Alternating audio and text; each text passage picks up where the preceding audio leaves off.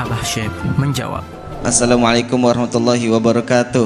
Waalaikumsalam warahmatullahi wabarakatuh. Afan Abah izin bertanya, apa hukumnya kurban secara patungan? Syukran kesiran atas jawabannya Abah. Kurban secara patungan sebenarnya tidak ada. Kurban secara patungan. Kurban secara patungan. Contoh 100 orang ngeluarin kambing satu. Ya nggak ada. Tetapi boleh kurban patungan nanti diniatkan infak sedekah untuk membantu seseorang agar supaya bisa berkurban tapi diniatkan satu orang. Nah itu jatuh kurban mungkin sama seperti arisan kurban lah. Arisan kurban mah nggak apa-apa arisan kurban arisan kurban arisan kurban kan ta'awun alal bir. Saling bantu membantu urusan kebaikan di pondok ini arisan atau yuran. Yuran 50 ribuan ada 1000 santri. 5000 kali 1000 berapa? 5000 kali 1000 berapa? 5 juta. 5 juta? 5 juta berarti dapat kambing satu.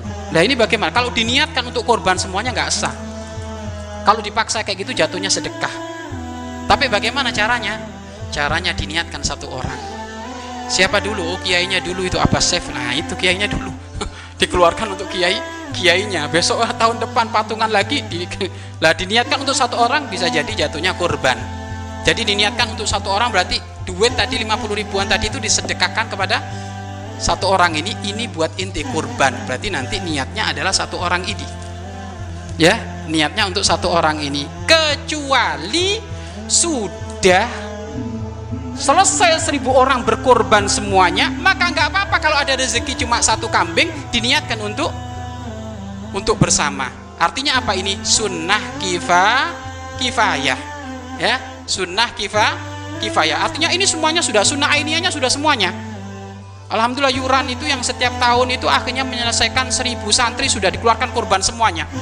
Akhirnya sekarang tahun ini adalah tahun yang sunnah ainiyah. Sun, oh, sunnah kifayah karena semuanya santri sudah berkor berkorban. Ya kalau kayak gitu nggak masalah. Tidak apa-apa karena untuk sunnah kifa kifayah. Tetapi kalau tadi tiba-tiba langsung diniatkan diniatkan jadi patungan ini diniatkan untuk seribu orang maka tidak boleh. Ya kalau dipaksa jatuhnya sedek sedekah. Karena kurban itu dianjurkan bagi orang yang ada lebihan harta untuk dirinya sendiri untuk dirinya sendi sendiri. Kalau untuk orang lain berarti orang lain harus ni niat. Makanya yang sudah berkorban yang ini yang sudah korban nanti kamu niat ya. Niat saya berkorban. Ya saya saya niat saya berkorban. Gitu saja sudah cukup ya. Niat saya berkorban. Kenapa? Karena kamu kebanyakan kamu korban kan dikasih duit oleh orang tuamu. Ya kan? Dikasih duit oleh orang tuamu. Berarti nanti apalagi kamu sudah balik kamu niat sendiri. Niat kur kurban. Itu aja udah udah udah cukup. Ya kan? Dan itu sudah sudah sudah sah cukup. Wallahu a'lam bisawab